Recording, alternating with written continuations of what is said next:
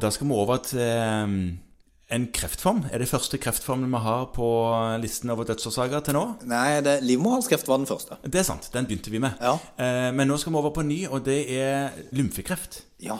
Lymfomene. Lymfomene. Mm. Der er det to hovedtyper, er det ikke det? Det er en sånn mann som heter Hodgkins, som har gitt sitt navn til dette. Ja. Han har jo det- gitt navn til de sjeldne lymfomene. Ja, det er sant. Det er jo sånn 10-15 av lymfomene er Hodgkin-lymfomer, og resten er det vi kaller for Non-Hodgkins-lymfom. Ja. Eh, Men totalt sett så utgjør disse sånn i overkant av 1000 i året. Som dør? Nei, Nei. Hvor mange dør? i 2018 igjen 288 personer. Ok, men eh, 1000 i år som får denne kreftformen? Ja. ja. Og hvis du legger sammen de tallene, så ser du at dette er jo noe man i stor grad overlever og lever lenge med. Ja, Mm. sant. Prognosen ved de fleste lymfomer er veldig god. Men noen er direkte motsatt. Altså Ja. veldig dårlig. Noen er veldig dårlig.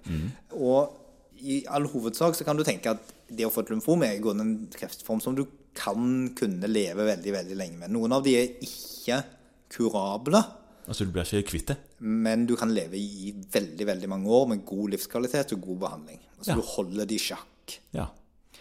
Symptomene er litt sånn diffuse ofte, sånn snikende. Mm. Ja. Eh, og det er mange som tenker at siden dette er en lymfekreft, så må jeg få store lymfeknuter. Og det er vanlig, men de kan også være helt, helt inne i midten av kroppen. Å vri inn og få tak i og I kjenne hvert på. Mm. fall å kjenne på. Eh, vise på bilder, da. Det gjør de. Som oftest så finner man ut dette fordi man har hatt symptomer, og da er det ikke sånn at alle som føler seg slappe, har lymfekreft, men alle som har lymfekreft, føler seg slappe. Ja, I hvert fall de aller, aller fleste. sant. Eh, Og så kan de få det vi kaller for sånn typiske B-symptomer. Ja, at de svetter om natten og går ned i vekt uten å prøve på det. Og ja, Ja. jeg er trøtt og slappe. Ja, den Mm. typen ting. Og har litt feber på dagtid. Og. det, feb, den feberfølelsen er òg en sånn typisk ting. Og det er fordi det skjer ting i kroppen, Mm. og dette vises som oftest i blodprøver. Ja. Eh, Sånn at eh, hvis det ikke er Eller det viser i blodprøver. Mm. Så hvis det er helt klin normale blodprøver, Så er er det nok ikke et sjansen lymfom. for å ha lymfom veldig liten. ja.